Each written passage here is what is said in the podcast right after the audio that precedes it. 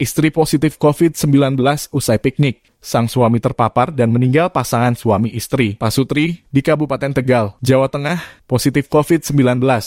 Bahkan sang suami yang merupakan pegawai negeri sipil PNS di pemerintah Kabupaten Tegal dinyatakan meninggal dunia. Juru bicara Satgas COVID-19 Kabupaten Tegal Joko Wantoro mengatakan, sang istri sempat mengikuti rombongan piknik Dharma Wanita Dinas Pendidikan dan Kebudayaan dengan bus hingga ke Pemalang.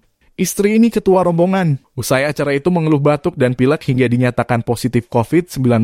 Sementara sang suami kemungkinan terlular istrinya, kata Joko saat dihubungi Kompas.com Rabu 31 Maret 2021. Kondisi sang istri sendiri saat ini dalam kondisi baik dan tak mengeluh gejala klinis hingga tak perlu perawatan intensif di rumah sakit. Sementara itu, sang suami yang berusia 57 tahun sempat dirawat sehari di rumah sakit hingga dinyatakan meninggal karena ada komorbid. Peserta piknik pada 17 Maret itu setidaknya ada 24 orang yang di antaranya warga desa Penusupan, Kecamatan Pangkah. Dari 24 orang yang di dalam bus itu yang disuap baru 5 orang, yang lainnya masih kami lacak. Kalau suami sebenarnya tidak ikut piknik dan tidak pernah ke mana-mana kata Joko. Joko mengaku menyesalkan masih adanya masyarakat yang nekat beramai, ramai piknik di tengah pandemi COVID-19.